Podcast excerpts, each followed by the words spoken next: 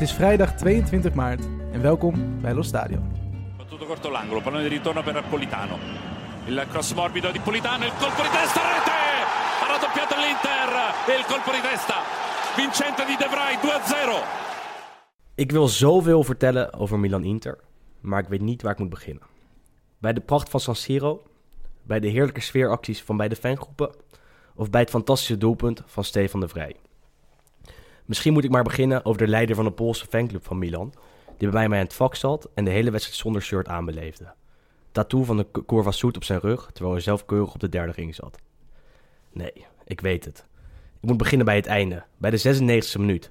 Ik moet vertellen hoe Inter-verdediger Danilo D'Ambrosio de bal met een uiterste poging uit het doel hield en de overwinning voor Inter redde. 3-2. Nou ja, ook niet goed genoeg. Ik kan ook starten met de vraag aan Sander over zijn derby en hoe hij de nederlaag van afgelopen zondag beleefde. Nou ja, dat wordt misschien te pijnlijk. Het gevoel van heimwee dat ik heb sinds zondagavond uit San Siro stapte, kan ik toch niet goed onder woorden brengen. Ook niet goed genoeg om vandaag mee te starten. Weet je wat, ik begin, gewoon en vertel dat de wedstrijden tussen Milan en Inter echt alles, maar dan ook alles belichamen wat ik mooi vind aan het Italiaanse voetbal. Passie, sfeer, chaos, vreugde. En dat alles in het La Scala van het Calcio. Zorg dat je volgende keer bij bent. Nou, vrijdag 22 maart. De vrijdag na de derby van afgelopen zondag. Volle studio. Wesley, welkom. Goedemorgen. Sander, welkom. Ja, ik, eh, ik ben er weer. Ja, gelukkig, gelukkig. En hoe, en hoe. Helemaal gehavend. En ook vandaag hebben we een, eh, een gast helemaal uit België. Het verre België. Uit het verre België, vlakbij Antwerpen. Joost Houtman, Goedemorgen. schrijver van een eh, prachtig boek over Italië. Niet per se over Italiaans voetbal, maar gewoon over de cultuur, over alle mooie verhalen van het land. Bella Figura. Ja, te bestellen op. Te bestellen op, ja. Ja, ik ben een kleine zelfstandige. Uitgeverijvrijdag.be. Op Ja. bol.com ook geloof ik gewoon. Ja, ja. Als e-book, als normaal boek. Eh, ja, Komt goed. De linkjes die gooien we ook online straks. Aanrader om te lezen ook sowieso, bij Absoluut. alle drie gedaan. ja, ik moet mijn trein weer terugvinden. Ja, ja, ja, ja, ja, ja, ja. En terecht. En, Sponsor terecht. die man. Ja. en in de eerste minuut heb je iedereen nog met de aandacht erbij, dus dat is, eh, dat is mooi. Laten we wel even beginnen bij ehm, nou, de wedstrijd van afgelopen weekend, toch bij de Serie A eventjes. Ancora Vecino ci può riprovare, il tocco è corto per Perisic in area, Perisic sposta la palla fino in fondo, arriva cross sul secondo palo, la palla è lì, e gol! Mattias Vecino! Mattias Vecino! Bij eh, Milan-Inter. Het werd eh, 2-3 voor de Nerazzurri. Ehm, ik was aanwezig in het stadion en eh, heb genoten, maar dat wisten jullie al. Sander, hoe heb jij die derby eh, beleefd? Eh, thuis op de bank. Eh, absoluut niet genoten.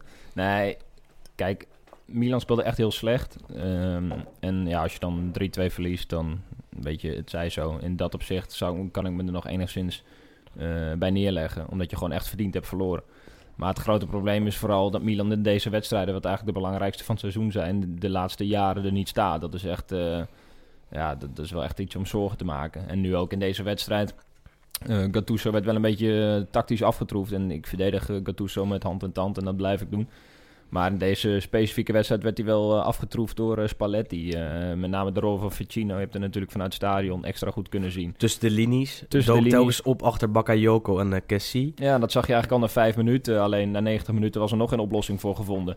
Eh, vond ik wel dat Milan zich op zich aardig terugknokte in de wedstrijd tweede helft. Waardoor het nog wel eventjes spannend werd. Tweede helft met een 4-4-2 zelfs, met de Coutron en Piontek in de spits. Eerst stond eh Castillejo naast eh Piontek, daarna was het Coutrone. Ja, maar Daardoor werd Versino weer iets beter opgevangen, was in de tweede helft minder gevaarlijk. ja, de herstelwerkzaamheden waren eigenlijk eh, te laat. Zeg maar. Toen was het kwaad al eh, geschiet en was de wedstrijd eigenlijk al verloren. En zeker over 90 minuten heeft Milan echt gewoon eh, terecht verloren. Toch ook een beetje genoten of eh, echt Nou, pijnlijk beleefd? Dat wil ik wel zeggen, want ehm, ik ben vorige week, moet ik het goed zeggen, naar Frankfurt Düsseldorf geweest. En die vrijdag naar eh, Lille eh, in de reis. Monaco. Lille tegen Monaco. Lille? Monaco. Ja, En ehm, ja, dat was een beetje de compensatie omdat eh, de derby niet ging lukken. Maar toen zat ik dus zondag op de bank, eh, een kwartier voor tijd, ehm, de derby eh, te kijken. Hoe het stadion al al helemaal vol was en wat de sfeer en die spandoek en zo.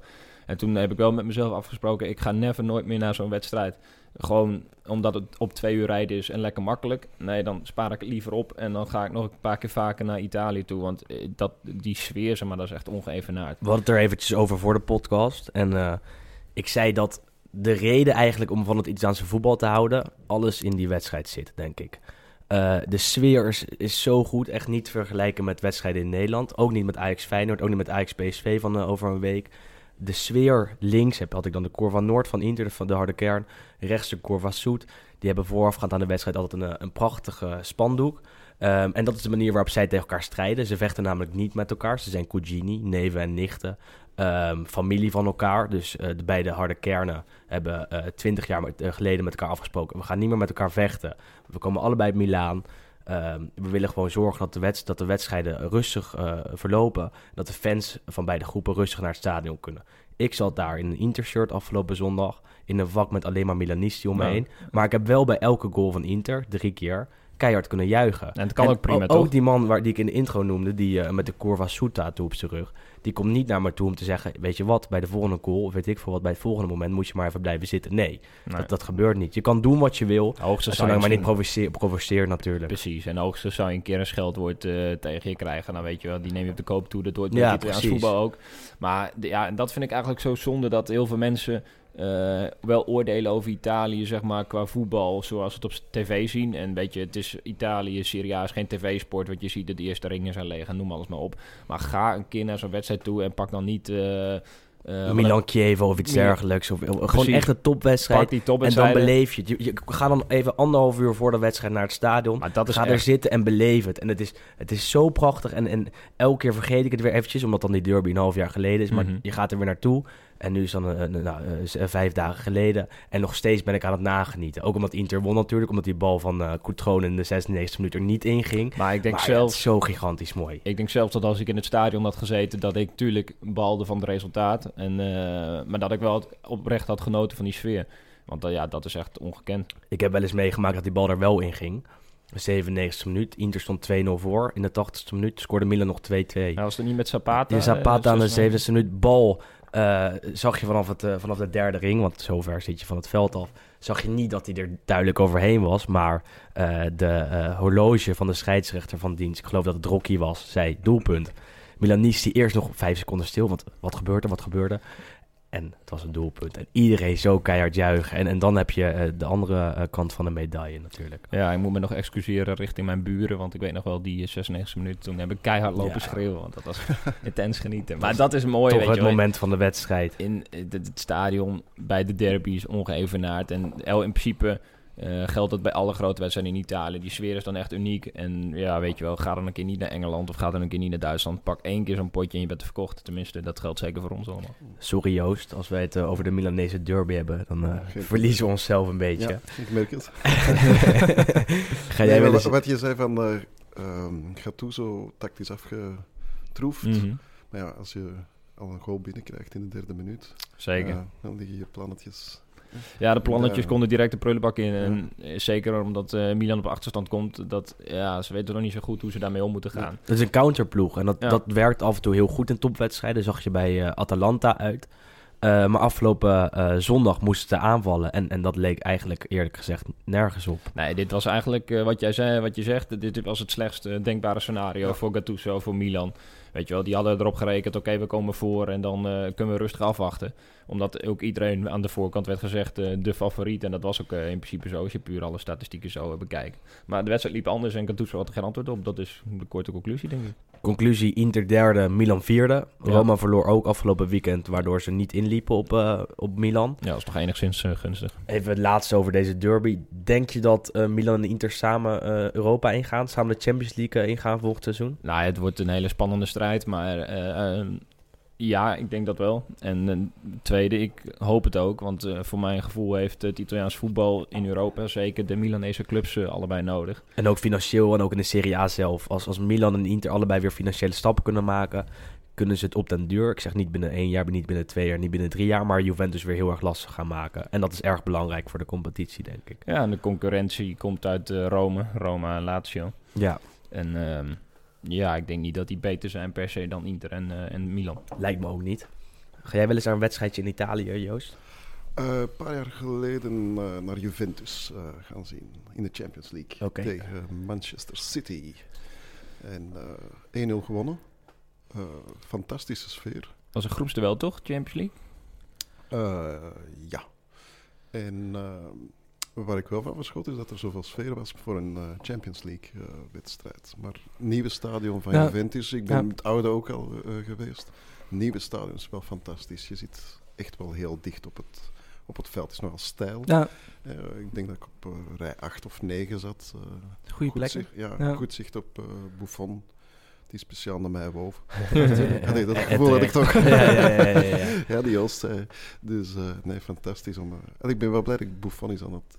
In ieder geval in Echt- levende lijf ja, heb, eh, ja, heb dat kunnen is toch een legende. Ja, absoluut. eh, Toch een van de laatst overgebleven legendes van het Italiaanse voetbal Ja. op dit moment, denk ik. ik vind het wel doodzonde dat hij nu eh, in Parijs zit. Ja. Ja. Dan, moet je, dan moet je stoppen of naar, eh, naar Amerika gaan of zo. Maar toch niet in Parijs gaan voetballen. Daar hebben Italianen natuurlijk sowieso wel een handje van, toch? Om Ja. iets te lang door te gaan en niet, Ja. eh, niet te kunnen stoppen op het Ja. hoogtepunt. Toch nog alles eruit willen persen. Ja, en dan lukt het toch nog de verkeerde club kiezen. ja. Ik heb er wel een mooi verhaal over bevonden. Ik ben ook bij Juventus geweest bij een, bij een thuiswedstrijd. En eh, toen bezong het publiek, de Curva Soet, is dat bij eh, Juventus? De drogi, de harde, ke- zo heet de harde kern. Ja, en ehm, op een gegeven moment ging zij het clublied zingen van, eh, van Juventus tijdens de wedstrijd. En Buffon die zong gewoon mee. Ja. Gewoon 13e, Ja. 14e minuut of zo, Buffon. Ja, ik- de clublied van Juventus, van, ze hebben dan een nieuw clublied sinds een paar jaar. Ja. En dan zingen ze Juve una storia d'amore. storia del Ja. grande Ja, amore. ik, bedoel, eh, ik ben eh, supporter van Antwerpen eh, in, eh, in België. Ik- Daar gaat niemand zingen Antwerp, een liefdesverhaal. ik bedoel, eh, dan roept iedereen stilletjes Jeannette. Ehm, maar in Italië kan dat natuurlijk wel. Ja. Dus, eh, Ah, dat is ook extra pijnlijk dat dan Buffon uiteindelijk naar Parijs is gegaan. Weet je wel, als je dan... Op het ene moment zing je het clublied mee. En eh, hij werd ook wel gezien natuurlijk als... Nou goed, de clubman is hij natuurlijk ook wel. Dat, Zeker. Dat kun je niet was wel de eerste die reageerde vorige week toen eh Juve doorging Ja, in de Champions. League met Ja. 3-0 van Atletico had gewonnen. Zette hij een mooie post op Instagram. eh, Grande Mister Allegri. Dus hij is wel nog steeds een groot Ja, fan absoluut. van, eh, van Ja. Juventus, denk ik. En Turijn, eh, Turijn is ook een leuke stad, toch Joost? Ja, het is een prachtige, mooie stad. Eh, het was toen ook echt mooi weer. Niet, niet heel warm, maar de zon scheen over, over Turijn. En je ziet dan de, de bergen op de achtergrond. En, eh, heel, heel, heel lekker gegeten. Ook heel lekkere wijn gedronken, ook iets te veel. Ja, maar onze vrienden van de Pantelietje podcast. eh, Ja, die ik moeten, toevallig die op de moeten heen- naar toe Ja, maar die zat ik toevallig op de heenweg hier naartoe Ik eh, ook, te ik ook inderdaad, ja. En dan hoorde ik Arco eh, over het terrein. En zo hoor ik veel ajax in mijn omgeving. Ik snap dat niet. Van, ja, oh man, Juventus uit. En eh, kijk, op basis van de historie snap ik het wel dat Juventus een gevreesde tegenstander is. Maar, oh, dan moeten we naar Turijn. En, Mhm, oh, wat mhm. we na- terwijl Turijn Ja. echt een prachtige stad Ja. is. Ja. Eh, Misschien wel een van de meest onderschatte Ja, steden zoals in je zegt, je ziet de bergen vanaf, eh, de, hele, vanaf de hele stad, vanaf het hele centrum. Eh, eh, enige nadeel misschien, en dan denk ik ook echt het enige nadeel, is dat het uitvak heel erg klein is. Ja, dat is een nadeel. Alleen, eh, dat klopt. Er kunnen niet zoveel eh, supporters mee. Eh, aan de andere kant, de supporters die wel mee kunnen, komen echt in een eh, mooi stadion eh, terecht. Voor Italiaanse begrippen. Ja. Het modernste wat je kan vinden. modern inderdaad. Alle, alles is er. En het Eh, is geen Rome, hè, dat moeten we even duidelijk maken. In Rome is het eh, wel gevaarlijk als uitsupporter. Eh zag je ook toen de Feyenoorders daar waren. Oké, die, die maakten het ook zelf naar. Maar werden ook in, in een hoekje gedreven door de politie. Ja, ja Ik ze denk vrezen een beetje die ADO-banden van Juventus. ja, ja, ja, Maar ja, weet je, dat is allemaal speculatief. Ehm, volgens mij, als je naar het terrein kan, eh, het is ideaal vanuit Nederland erop vliegen. Zo, oh, je kan naar terrein, je kan in Milaan. Je, bent kan de trein pakken vanaf, of, of vlieg je op Bologna of, of weet ik veel Ja. wat. Pak je de sneltrein naar Turijn. Ja. Stap je uit in het centrum en dan ben je er. Eh, de- dus zo'n groot nadeel is het denk ik niet. Je kan zelfs op Lyon vliegen en Ja. vanaf daar gaat ook een sneltrein naar En Turijn. je kan vanaf Amsterdam, vanaf Eindhoven, je dus kan het is, overal. Het is, eh. het is veel Ja. mogelijkheden. En, eh, het is moeilijker om er niet te geraken. Ja, bijna wel. ja. en, en je speelt in april in Italië. En, en je weet wat eh, ze zeggen over de Italiaanse lentes, want die zijn echt heerlijk. En lekker weer, je, je zit er aan de po op het terras. eh, ja, ik, Aan een eh, espressootje ergens voor een Prada-winkel. ik, eh, ik zie het wel voor me hoor. Eh, dat is allemaal qua stad natuurlijk. Sportief eh, is Juventus wel de lastigste tegenstander die Ajax kon treffen, Nee. denk ik. Gaan geen enkel eh, gaatje laten vallen. Ja, maar is ik- de volle focus. Ze, ku- ze kunnen spelers rusten in de competitie. Eh, Allegri is eh, nou, top 2, top 3 trainers ter wereld. Hoort daarbij in ieder geval. Ik zie echt niet in hoe Ajax dit gaat doen. En, ja, dat, ik, dat, dat ik kan word ik me echt helemaal gek van die voetballerij, hoe opportunistisch het is. Want als je zeg maar, had gezegd, oké, na die eerste wedstrijd tegen Atletico, toen ze 2-0 verloren. Als je dan had gezegd, eh, Juventus gaat wel door, maar ze loten dan, eh, of Ajax loopt daarna Juventus. Dan zegt iedereen, nou ja, Juventus is niet zo'n wereldploeg. En nu heeft heel Nederland heeft die 3-0 gezien, waarin Ro- Ronaldo de beste wedstrijd van het seizoen speelde, waarin Juventus de beste wedstrijd van het seizoen speelde. Nu is het opeens weer de beste ploeg ter wereld. Ja, Nee, dat is natuurlijk ook niet zo. Dat zeg ik ook niet. Alleen eh, eh, zeg ik wel. Jij zegt de moeilijkste Nee, tegenstander. nee, luister. In, in de competitie laat Juventus af en toe nog eh, iets vallen. Dat zag je afgelopen weekend tegen Genoa. Zag je ook bijvoorbeeld thuis in de wedstrijd tegen Sampdoria. Is misschien nog het beste voorbeeld. Sampdoria is een voetballende ploeg. eh, wil het spel maken, zelfs in Turijn. En dat deden ze ook aardig. Ehm, en ik denk dat Ajax dat moet volgen. Alleen dat was wel een wedstrijd in december... waarin Juventus niet op volle sterkte aantrad. Snel op voorsprong kwam. De concentratie een beetje liet, liet vallen. En ik zie niet dat Juventus dat gaat laten gebeuren in de Champions League. Ja, Ehm, dat is zo die wedstrijd tegen Real. Madrid, eh, van Real Madrid Ajax, gaan dood analyseren. Ja, Ja, zeker. Ja. Tuurlijk, ze gaan natuurlijk eh, ja, Frenkie de Jong uitschakelen en dan... eh, eh, Daar ja, zet je even Emre Can op. Ehm, je hebt Tadic. eh, eh, Tadic moet het gaan opnemen tegen Chiellini en Bonucci. En die zei vorige week, oké, die laten nog wel eens wat steekjes vallen. Maar ook in de, zie je dit weer zien in de topwedstrijd dat ze er staan. En dat. Chiellini nog altijd eh, een van de beste centrale verdedigers ter wereld is. Het is Nee. vooral inderdaad als die er, als, tenminste als of Chiellini of Bonucci er niet is en als Rugani speelt, ja, dan merk- zag je dan, afgelopen dan, dan weekend merk je- ook, toch? dan merk je het wel. ja. Het was nu, ik, ik zag ook weer een of andere mooie graphic voorbij komen. Dat volgens mij met Chiellini krijgen ze om de paar honderd minuten een keer een tegen, een tegengoal. En echt bij die Rugani is het iedere, nou, iedere wedstrijd eh, bijna raak. Het is de reden dat ze Matthijs de Licht willen natuurlijk. Absoluut, Aangezien ja. Rugani enorm teleurstelt. Ja. Ze willen nog één jonge centrale verdediger erbij hebben. Misschien wel twee, want Romero van Genoa wordt ook genoemd. Ja. Ehm, maar laat er geen misverstand over, over bestaan. Ik denk ook dat Juventus doorgaat. Ja, ja, ja, eh, daar niet van. Eh, weet je, je- we hebben ze ooit ge- getipt. Of althans, ik sowieso Ja, als de- de- Champions League winnaar. Dus er is geen weg meer terug. De nieuwe meestervoorspeller. hè? Ik ben vorige weekend een beetje door de mand gevallen. We, we gaan het meemaken. Maar ehm, ja, ik vind het ook weer wat overdreven om ze nu weer direct als, als moeilijkste tegenstander eh, te bestempelen. Weet je wel, ja, City, dat speelt echt de pannen van het dak. Dat kan je van eh, Juventus niet zeggen. Nee, Tenminste, nee. niet altijd. Ik verschiet er wel van hoe, hoe goed eh, Ronaldo in, in, in Juventus past. Had ik nooit gedacht Nee, dat dat zo die goed hele, ging. de hele ploeg is nu ook weer op hem afgesteld. Ja, En dat ja, goed als je het inderdaad ook op zo'n moment weer kunt laten zien met een hat-trick. Ah, geniaal. Heel, heel blauw-zwart- blauw-wit. ehm, Italië is echt enorm idolaat van hem. Niet alleen door vorige week, maar hij staat elke keer weer op de voorpagina. Nu werd hij niet geschorst na het gebaar. S- oh, wat zei ik? Voor mij blauw-wit. Oh, ik zei, ja, maar, nee, het is zwart-wit natuurlijk. Ik zit nog een beetje met blauw-zwart hoofd. Sander. Ja, de zebra's van uh, Snap ik, snap Nee, ik. eh, zwart, heel zwart-wit Italië is, is, is fan van hem. En ook vandaag stond hij weer op de voorpagina. Gisteren niet geschorst. Ehm, kreeg een boete van 20.000 euro, wat hij geloof ik in acht uur verdient. Ehm, naar aanleiding van een eh, gebaar dat hij deed na de overwinning tegen Atleti. En het staat er vandaag op de voorpagina van de Toetersport. Niemand kan hem grijpen. Dan denk ik wel, ja, jeetje jongens. Het, het draven we niet allemaal een beetje door met z'n allen. Of draven ze daar niet door met z'n allen. Nu wij een paar eh, minuten bezig zijn met deze podcast, heeft die Ronaldo alweer eh, Ja, een paar duizend euro paar duizend verdiend. die kan zo onze, onze broodjes of onze lunch betalen. Ons ik. kost het al in geld. Ja. Genoeg over voetbal. We gaan even kijken naar Italië als, als land, Italië als cultuur. En eh, met wie kunnen we dat beter doen dan met eh, Joost Houtman? Gonna be honest. Anything with mince. Lasagna, shepherd's pie, uh, chili con carne. Che schifo. But Che schifo. I don't want cioè, to know tu hai preso una said. ricetta che mia nonna ha fatto 30 anni fa e ci vai a mettere oh, cazzi sour cream sopra. This is what is wrong uh, uh, with this country. Ja, zoals we al zeiden aan het begin van de, van de podcast van vandaag. Auteur van een eh, prachtig boek. denk je. Samen met uh, Philip Rozen. Ja. Bella Figura.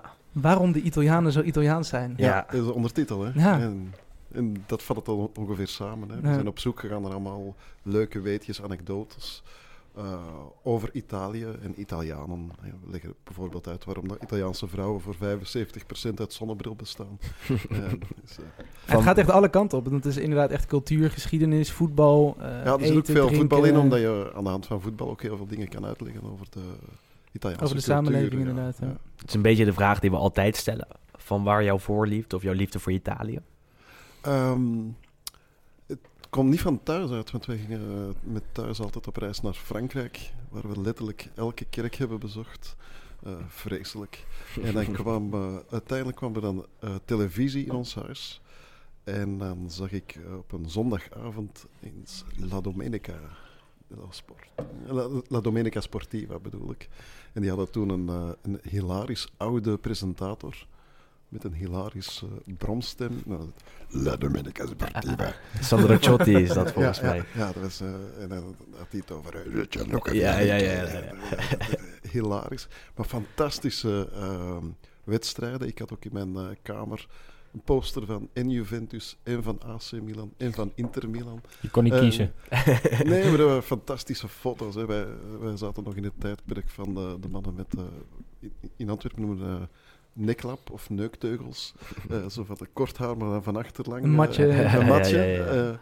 Uh, en een, met een pubersnorretje. En die Italianen die stonden dan natuurlijk goed gecoiffeerd. Goed gekapt. En, ja, in de straat. De stijl-iconen. Ja, dus daar was ik wel door, door gevat. En dan de andere liefde voor Italië kwam via een Sabrina Salerno.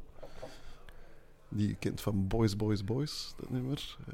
Ik weet niet of je de videoclip nog voor je ogen, ogen kan uh, toveren. Nu hopen uh, dat het internet van... Ja, dat internet weer doet. van Boys, Boys, Boys. Ik, en, dat uh, nummer, dat nummer is bekend. Ja, ja, ja, ja, de videoclip is opgenomen in een zwembad en je merkt dat ze vooral twee grote noten op haar zak heeft.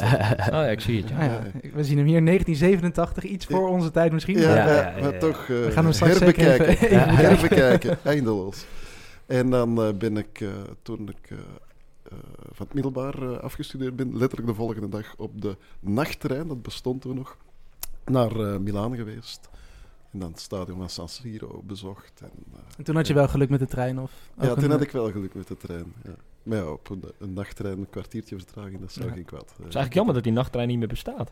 Ja, het zou nu in, met alle klimaatspijbelaars uh, toestaan, dat zou wel... uh, Ja, dat is Flixbus intussen geloof ik. Ja, Ja. Die gaat ook de hele duurt er wel over. langer over Ja. natuurlijk. Maar David Enti vertelt er ook over Ja, in zijn klopt, eh, voetbalboeken. Ja, dat ja, hij ja. daarmee vroeger altijd naar Milaan ging. Ja. Ja, ja ik heb ook wel eens gedacht, eh, nou, als ik de volgende dag er moet zijn. Dus, Ja. Want dan, kon je, dan kan je ook slapen toch, gewoon in de nachttrein? Ja, Ja. ja. Aan de andere kant hebben wij nu die vluchten van 18 euro van Ryanair vanaf nee, zeker. Dus, maar ja, soms is het ook wel, eh, kan het relaxen.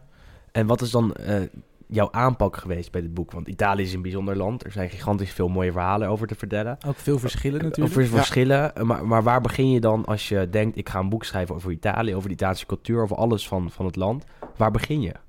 Ja, ik zat eh, op, eh, op een heleboel weetjes ehm, die ik door de jaren heen heb verzameld met het idee van ik ga er ooit eens iets mee doen. En dan eh, vroeg een uitgever van, eh, zeg maar, je weet zoveel over Italië, kan je dan in een boek gieten? Ehm, en Philip Rozen, mijn mede- mede-auteur, die woont in eh, Sicilië, die heeft ge- geschiedenis gestudeerd, die had ook weetjes. En heeft die eh, uitgever ons samengebracht. En zijn we beginnen babbelen en zijn we op zoek gegaan naar is een soort algeheel verhaal waar je zo alles aan kan, kan koppelen. En dat is dan de uitdrukking Fare Bella Figura geworden. En de titel dus Bella Figura. En zo hebben we eigenlijk een kapstok gecreëerd om alles aan te kunnen aanhangen. En waarom de Italianen inderdaad dat Bella Figura zo belangrijk vinden. Ja. Dat is natuurlijk een beetje de grote vraag Ja, in het boek. wij, eh, wij hebben het over, eh, je wil geen mal figuur slaan of, Of je geen- moet een goed- goed, een goed figuur, figuur slaan, Maar daar is niet goed of, of, of fout, het is mooi of, of niet mooi. Maar wat En- houdt het in, eh, Vader Bella Figura? Wat, wat is het, dat kort samengevat, zeg maar, voor de luisteraars? Voor de luisteraars, het, eh, het staat kort uitgelegd in mijn boek. Het zijn 400 pagina's Ja, ja, die dat ja, een beetje proberen te vatten. ja, goed, eh, Helemaal aan het einde staat het. Ja, nee, het, het grote verschil met, eh, als, als we Vlaanderen of Nederland vergelijken met Italië. In Italië heerst de cultus van, van het mooie. Hè? Eh, vandaar dat eh, Italiaanse mannen hun wenkbrauwen epileren, bijvoorbeeld. Of een, een, een horloge bovenop hun hemdsmouw dragen. Dat is helemaal niet eigenaardig. Eh, er wordt ook eh, je hebt de kunst van het passeggiata. Dat je flaneert door de, de mooiste straat. Over de boulevard of over het de... is kijken en bekeken worden. Eh, het verklaart ook een beetje waarom iemand als Berlusconi eh, eh, zover is kunnen komen, natuurlijk. Hè, omdat hij alles mooi voorstelde. Oké, ondertussen is die... Onder de botox. Ja. Maar goed, dat, dat hoort daar ook bij. Ja, Ja, Zeker. ja, ja, zeker. Dus, eh, nee, dit is, en, en dan, dan beginnen er allemaal dingetjes op te vallen. En, dan, dan, ja. En van het een komt het ander, dan begin je wat op te zoeken. En dan loop je verloren op Wikipedia. En dan komen er nog andere mensen met nieuwtjes. En van het een kom je in het andere. En dan heb ik ook heel veel voetbalanekdotes eh, gevonden. Wat ik bijvoorbeeld niet wist, is dat eh, eh, Mussolini verantwoordelijk is voor bijvoorbeeld AS Roma. Heeft hij vier Rom- Romeinse ploegen samengebracht, gefuseerd ehm, als AS Roma. Eh, Sampdoria is ook een fusie die door eh, Mussolini is, eh, is gecreëerd. En hij wou eigenlijk in plaats van heel veel kleine ploegjes, heel grote ploegen, dat de steden echt tegen elkaar konden. Een sterke competitie. Hij is ook Ja. de oprichter van de, van de Serie A natuurlijk. Ja. Die daarvoor niet bestond. Dus eh, maar ja, pak er maar mee uit. hè. Ja, ja, snap ik. Onze, onze club bedanken we aan Mussolini. Ja, ja, ja, ja, ja. dat doen ze misschien niet. Ja. Maar ja, nog hij, steeds... hij was zelf Bologna van Ja. fan. En, eh, en die speelde dan toevallig wel heel veel kampioen. Ja, ja, ja. ja. Heel Er toevallig. stond ook een standbeeld van, eh, van hem in het stadion van Bologna, volgens mij. Inmiddels weggehaald. Maar al die stadions van, van eh, Bologna, van, eh, ik meen ook Torino, eh, ook van, eh, van Roma, het Stadio Zeker. Olimpico. Dat hele Zijn- park Precies, ja. Ze zijn allemaal gebouwd in de periode dat Mus- Mussolini de, nou, de leider, de Ja, het is dictator wel bijna zijn van dood eh, geweest. Italië hè. was. Hij is, eh, het, het openen van het stadion van, eh, van Bologna is hij beschoten geweest. En, eh, maar de dader heeft gemist.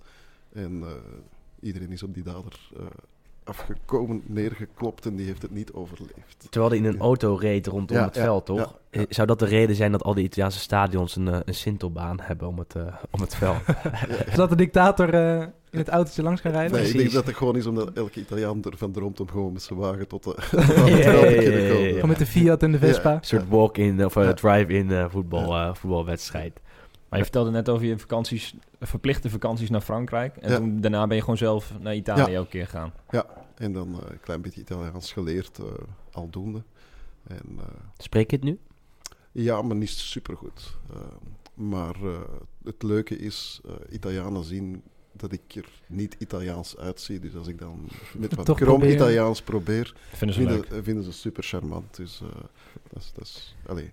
Plus Italianen merk ik zelf, en hoor ik ook, spreken zelf niet super correct uh, Italiaans. Nee, niet ze gaan allemaal. een beetje, be, allee, ze gaan er Ook een beetje lui. En, ja, ze ja. gaan er wel los mee om natuurlijk. Hè. Dat is, Ja, eh, absoluut. wel- Het is wel grappig dat in België natuurlijk dan een boek over Italië het goed doet. Want is dat ook nog een verschil misschien, ja, misschien met Nederland? Dat er ook natuurlijk een heel groot Italiaans, Italiaanse enclave is in België. Dat het best wel...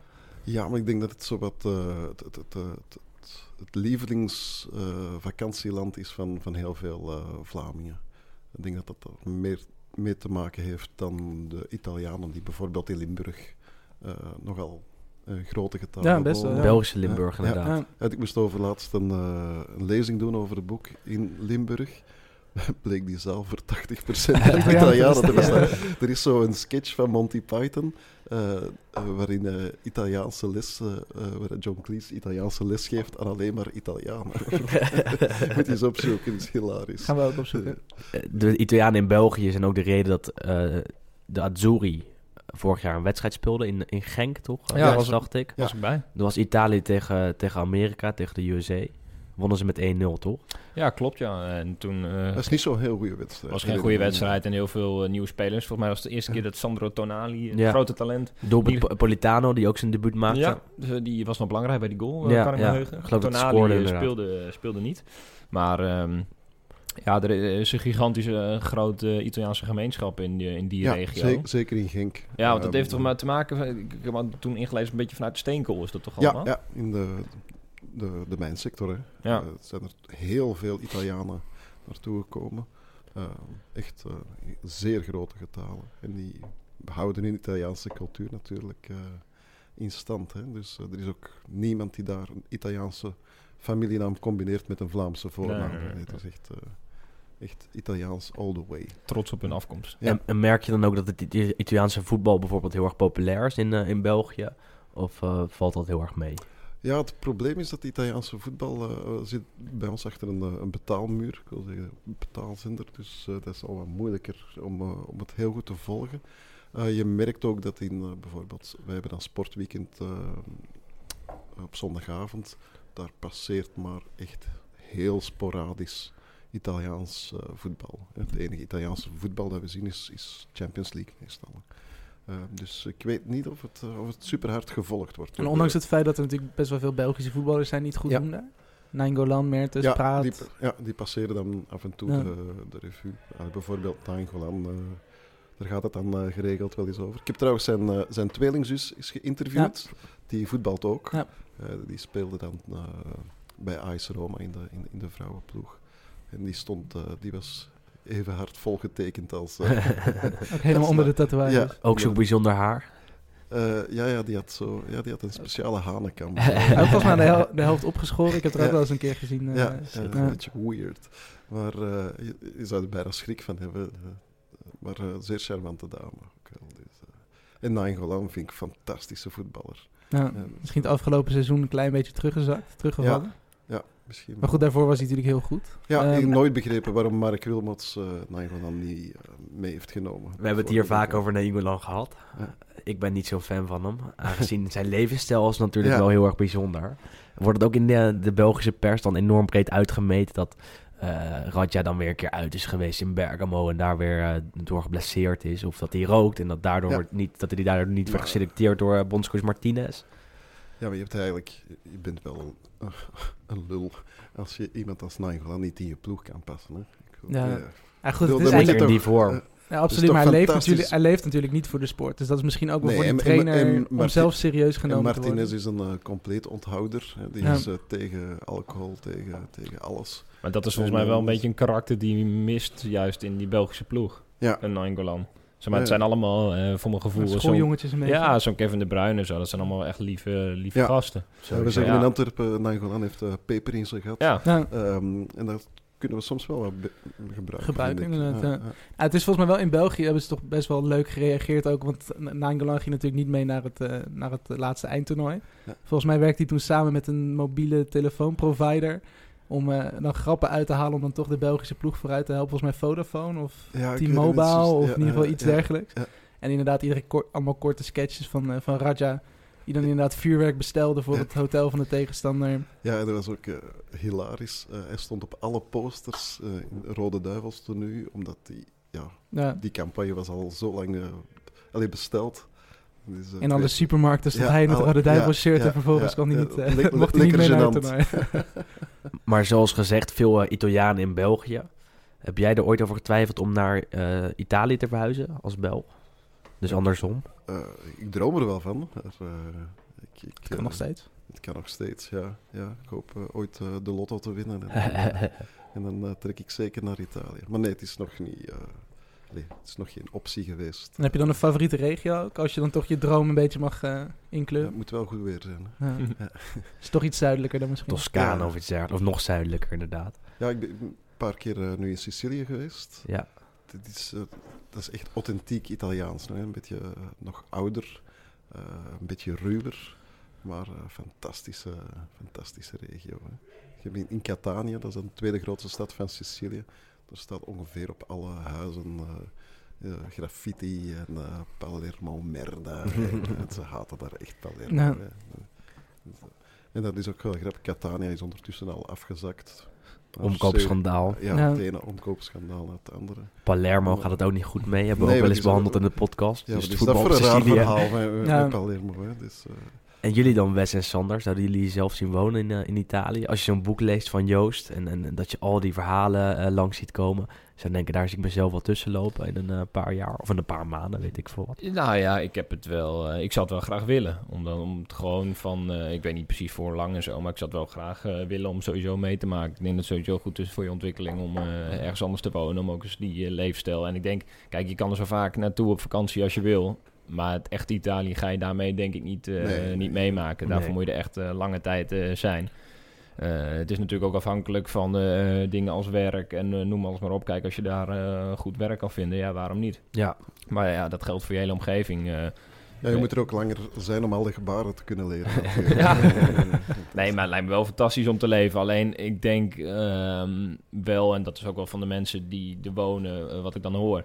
Ehm, kijk, als je op vakantie gaat, dan heb je altijd maar één beeld in principe. Dat is van La Dolce Vita. En eh, weet je, het is allemaal Ja. genieten, en noem maar op. Ja, En- je moet zelf niks natuurlijk. Hè? Nee, Tijdens precies. vakantie, dat Maar- vertekent altijd. Ja, het, eh, het Maar als je ervan afhankelijk bent, eh, dan kan het nog heel mooi zijn. Maar er zitten er ook veel nadelen aan. Het is niet voor niks dat er zo'n hoge jeugdwerkloosheid is en dat eh, gigantisch eh, politiek ingewikkeld. veel ontevredenheid tussen Heel veel de- ontevredenheid. de bevolking. Deze week volgens mij kwam er nog een lijstje met de meeste eh, de, de landen waar mensen het meest tevreden zijn. Stond Nederland volgens mij op vier. En eh, Italië ergens op 21 of zoiets, weet je wel. Dat zegt Kijk, wel genoeg. dat Ja, zegt wel ja. genoeg.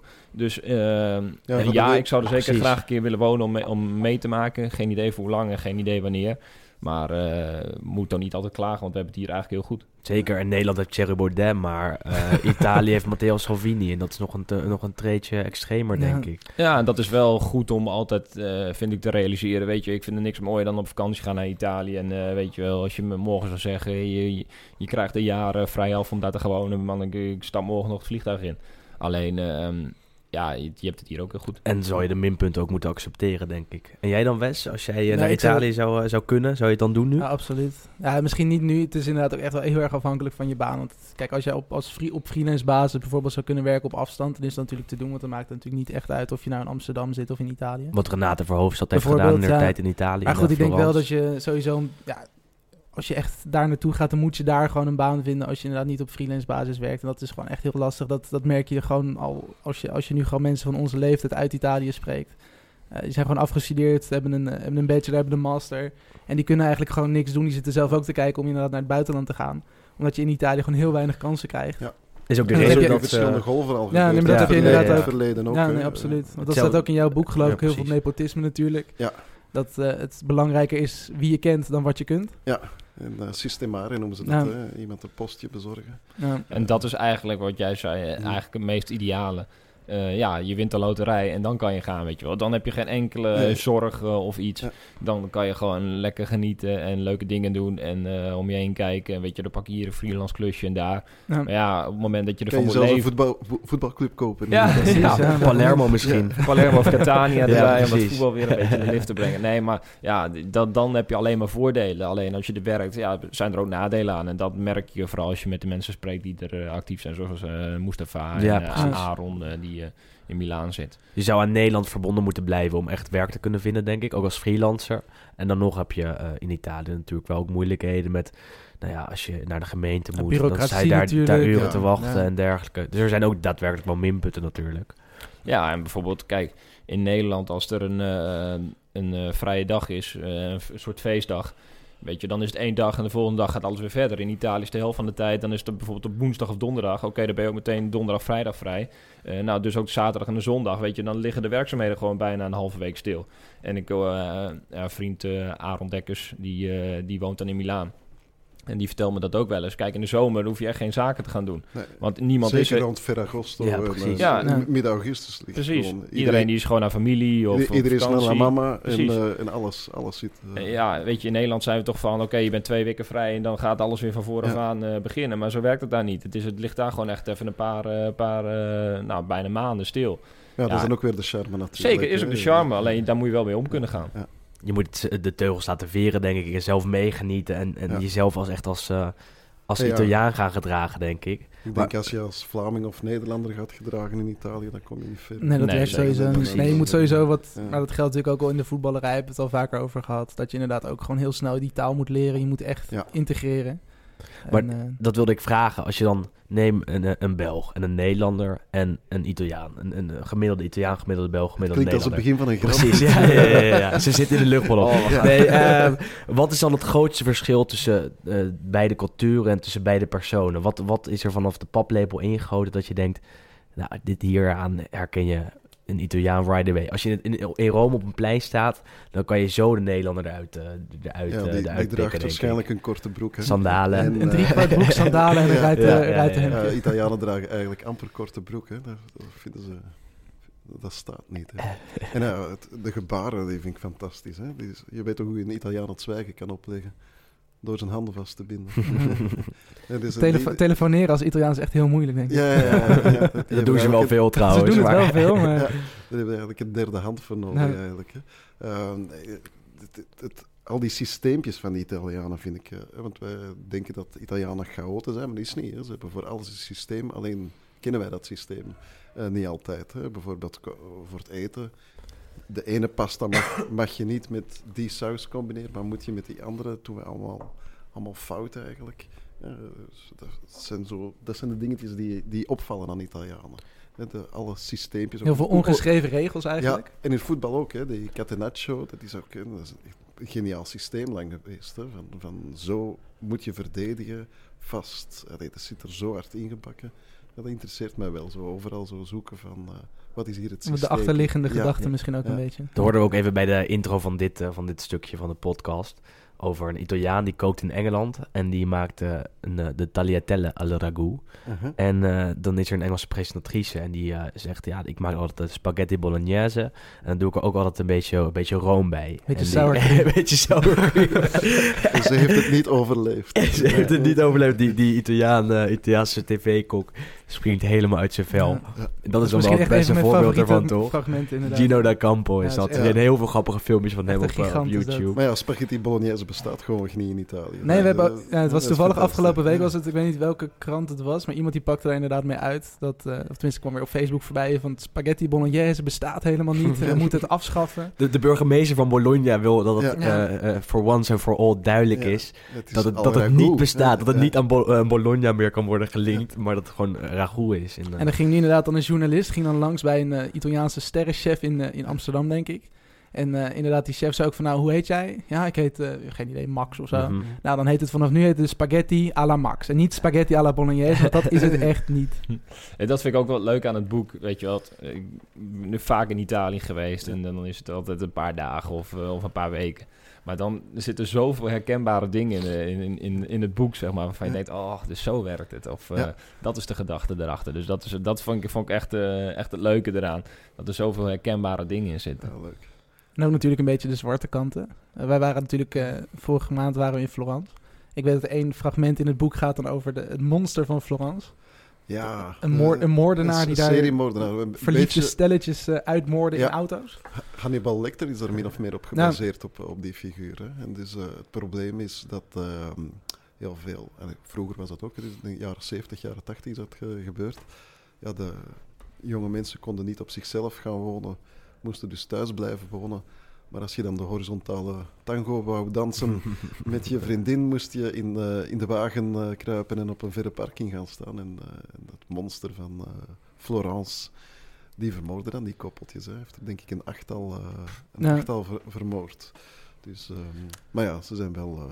eh, En dat is dan vla- inderdaad ook een beetje de zwarte vlak- kanten die Vlak het ervoor eh, hebben ze het dan nog wel leuk gehad. Het was een heel mooi laatste, laatste avondmaal, laten we het daarop houden. Er gebeuren alleen Maar maar, trouwens- nare dingen in Florence. Hè? Als je op Flo- ja, nee, Florence is de, daar is het, het voetbal uitgevonden. Hè. De Engelsen zeggen altijd dat zij het voetbal hebben uitgevonden, maar je hebt Calcio Fiorentino. Ja. Bestaat al eh, geschreven. Calcio Storico. Ja. Ja. Hè, uit- de 16e eeuw, hè, waarin het wordt uitgelegd. Het was dan een veld van 100 op 50.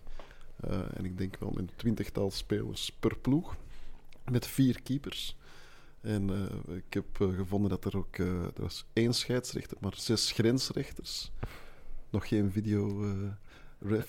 maar, de VAR. Ja, en eh, die regels... Ken je die regels van Calcio Storico? Er zijn geen regels, toch? Dat is eigenlijk de enige regel. Jawel, joh, er is een re- je mag geen koffie in je bloed hebben en ook geen alcohol. Ehm, je mag niet op het hoofd schoppen, maar al de rest. en in de, in de jaren 70 is er één match moeten stilgelegd worden omdat een speler een stuk van zijn oor was kwijtgeraakt.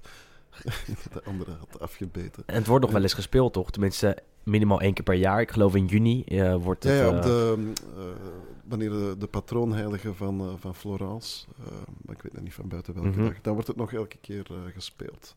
Het is, het is een paar eh, jaren, tientallen jaren niet gespeeld geweest.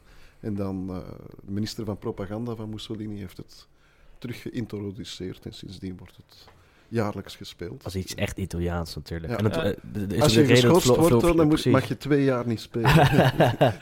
Dat is ook de reden dat. Fiorentina die, die vier uitshirts heeft dit jaar. Eh, elke Vier kleur wijken. van een wijk, ja precies. Ja, Ja, het is met kleuren dat ze wel. heeft te Ja. maken met Calcio Fiorentino, Calcio Ja. En dat is wel mooi dat ze toch die link blijven houden met het, eh, met het oude voetbal en waar het allemaal vandaan komt. Nou ja, genoeg over de Italianen, genoeg over de cultuur. Laten we even kijken naar het nationale elftal. Te spelen morgenavond en eh, ook nog op dinsdag.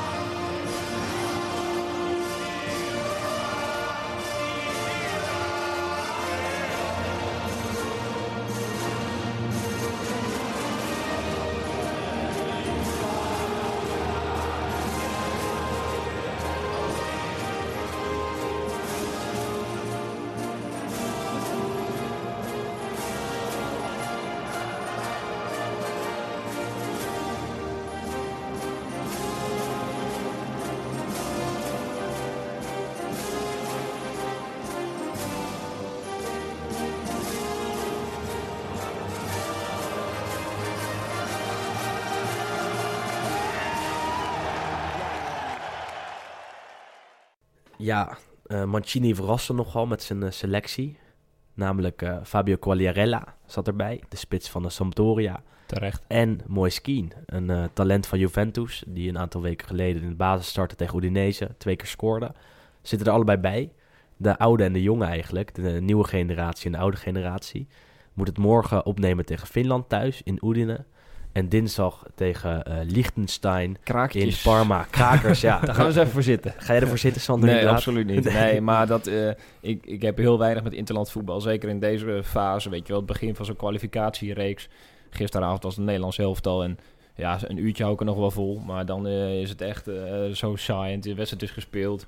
Ja, en de echte belangen komen pas later. Uh, staan natuurlijk los van dat Italië zich wel moet kwalificeren. Maar ja, in deze pool moet je echt heel erg je best Maar doen. de- Wil je dat de niet Italianen liggen er zelf ook niet wakker van, hè? Van het Nee, nationale Nee. team. Pas als ze op een toernooi zitten. Het is ook meer inderdaad een eindtoernooi-team eigenlijk. Ja. Dan, Als eh, er echt, Ja, als er echt iets te winnen valt, dan... Ja, eh, dan Het, komen ze het, opeens het allemaal. punt is een beetje dat ze zich dan eerst moeten kwalificeren. Zeker, Eh, en ja. dat gaat in deze pool denk ik wel lukken. Ze zitten ook nog bij Griekenland en eh, Bosnië-Herzegovina. Eh, wat twee redelijke eh, lastige tegenstanders zijn voor het Italië, denk ik. Maar de eerste twee gaan door, toch? ja, daar moeten ze toch wel langs zien te komen. En dat Ja, ze eindelijk weer eh, z- Het is moeilijker om er niet bij te zijn dan er wel bij te Ja. zijn. Dat bedoel ik. En, Ja. en de halve finale van het EK 2020 wordt gespeeld in Rome. Het EK wordt verdeeld over heel Europa. Rome is een van de belangrijkste steden van het toernooi. Ik heb me ingeschreven voor kaartjes eh, Ja, onlangs. d- ik de zag gisteren langskomen. Zeg je? Die finale. Nee, die eh, halve finale. nee, gewoon alle wedstrijden Kan in dat, Rome. kan, kan dat nog je- steeds? Ik moet dat ja, ook nog ja, eventjes je doen. kan per locatie, eh, de kaartverkoop is nog niet begonnen, maar je kan per locatie kan je voorkeur aangeven, zeg maar. Dus ik heb eh, gewoon Amsterdam en eh, Rome gedaan. Ja, En dan, eh, ja, straks begint ergens te inschrijven echt per wedstrijd. En Ja. dan gewoon maximaal inschrijven en dan zien we het wel. deze podcast even gebruiken als herinnering om, eh, om dat te gaan doen inderdaad. Ja, nou ja, eh, prachtig toch? Als je Europese kampioenschapwedstrijd in, eh, in Rome kan Ja, dat is meepakken. wel fantastisch. Ja. Dan zit het Stadio Olimpico eindelijk weer een keer vol als Italië er speelt, denk ik. Ja, het is altijd zo lelijk op televisie, die, die stadions die, die leeg lijken. Mhm. Bijvoorbeeld Napels, zo'n fantastische Zeker. stad, eh, fantastische ploeg ook, eh, De- fantastische beleving. Mhm. En dan zie je dat... eh, Daarom moet je er gewoon naartoe. Dan, Ja. dan zie je dat er op de tweede ring echt best wel veel mensen zitten. Ja. En dan maak je de beleving en de sfeer mee. En dan, ja, weet je wel, dan maakt het alles goed. Daar daar verschiet ik altijd van, van dat die ehm voetbalwedstrijden, je weet hoe dat de Italianen dan bezig zijn met uiterlijke schijn. Ik zou dan denken van, dat dat wil ik niet op tv hebben, die, dat die onderste ring zo... Ja, Dat is een heel groot is. contrast, is dat, Ja. inderdaad. Want als je ziet bijvoorbeeld in de Premier League, ook al is het niet helemaal vol, ze weten het alsnog goed in beeld te brengen, waardoor je in ieder geval denkt dat het vol zit. Ja. Ehm, en da- ja, daar kan de Italiaanse regie nog heel wat van leren. Ook, ook het verschil met Engeland is dat er in Italië nog steeds veel Sintelbanen zijn, zoals al eerder genoemd vandaag. Eh, en dat je bij Napoli, als je op de eerste ring daar zit, echt naast het veld, dan zie je gewoon bijna niks, omdat die hele Sintelbaan ertussen zit. Eh, dus daarom willen alle Napolitanen er niet zitten. Ook omdat, geloof ik, die, die tribune is niet helemaal veilig meer. Een Ah, beetje er zit- afgekeurd. maar, Zit hier en daar wat beton rond. Ja, precies. Maar dat, geldt te zijn. Dus, dus Het blijft een apart verhaal. Nu we het toch over Napels hebben. Toen eh Iguan eh, van Napels naar Juventus ging, eh, dan waren wij in, in, eh, in Napels en hij had toen eh, iets te veel stek gegeten tijdens de vakantie. Dus kwam met een klein buikje terug. En dan eh, stond er in een eh, sportwinkel in de etalage een pop van eh Iguan met een Juventus-shirt. En dan hadden ze een paar kussens eronder gestopt. dat vind ik fantastisch. dat is. Ja. De rivaliteit is echt, is echt schitterend. Nee, zoals al genoemd, ga een keer naar een wedstrijd in Italië, maak het mee. Al is het Napoli-Juve of is het weet ik wat allemaal. De passie en dan zie je ook die verhalen uit het boek van, eh, van eh, Joost... zie je ook terugkomen om en rond die wedstrijden en ook in het land zelf. Maar nog even over de nationale ploeg. Ja, ze moeten zich eh, natuurlijk Ja. die, gewoon kwalificeren. Eh, ik heb ook wel in dat opzicht de indruk dat Italië wel een beetje wakker is geworden. Wordt een beetje Ja. doorgeselecteerd. En eh, er staat toch een soort van nieuwe generatie op. Dus eh, wat dat betreft zie ik het eigenlijk wel hoopvol tegemoet deze Ja, kwalificatiecampagne. kan perfecte chemie ontstaan hè, als je die, die verschillende generaties goed met elkaar kan laten. Ja, En allee, Mancini heeft dat op clubniveau toch ook al een paar keer bewezen dat hij daar echt in. eh, en er zitten echt Ja. grote talenten tussen. Vooral op het middenveld natuurlijk. Ja. Ja, zeker. En Barella is eh, misschien nog wel de grootste. Tonali komt eraan. Nou ja, Donnarumma gewoon op doel. Ja. eh, Ja, het is best wel opvallend dat het een hele jonge selectie is. Want eigenlijk de enige oudjes die ertussen zitten, als ik hem even snel bekijk, Sirigu, Chiellini, nou, Bonucci kun je daar dan eventueel bij zetten. En Quagliarella. De rest is toch allemaal op 30 of jonger ongeveer. Je Ja. moet alleen nog een partner vinden voor eh, naast Romagnoli, centraal de verdediging. Dat zou eh Caldara kunnen zijn, alleen die ligt er al het hele seizoen uit bij Milan. Want uh, Rogani, zoals uh, gezegd, is, is gewoon niet goed genoeg. En ook niet voor dat Zuri straks. Daar moet iemand komen. En eigenlijk moet je hopen dat Moise Keane het uh, gaat maken bij Juventus. Want ook op de spitspositie zijn er nog altijd problemen. Zeker aangezien Quagliarella al 36 is. Ineens, hè? Ja, een beest is dat geworden. In één jaar tijd is hij... Nou, twee keer gigantisch, ja, precies. Gigantisch omgevormd tot ja. een uh, fysiek beest. Maar Quagliarella trouwens, als hij scoort, want die heeft nog wel een record wat hij kan breken, uh, kan de oudste Italiaan ooit worden die scoort. Uh, het is nu volgens mij Christian Panucci. Die staat twee keer in de top 5. Die was een jaar of 4, 35. Dus het valt nog mee. En goed, hij kan er nu eventjes twee jaar bij, op, uh, bij optellen. Dus dat is misschien nog een leuke uh, persoonlijke challenge voor hem. Maar stel, ja. stel, stel, dat je op een gegeven moment uh, Bernardeschi op rechts hebt, Chiesa ergens eromheen, uh, Kien in de spits als die daadwerkelijk doorbreekt. Nou, op middenveld opties te over. Ja, het enige wat je dan nog echt mist is nou ja, nog een opvolger van Bonucci slash Chiellini, zeg maar. Iemand die, die dus eigenlijk die naast Romagnoli kan spelen. Nou, Donnarumma op, het, op het doel.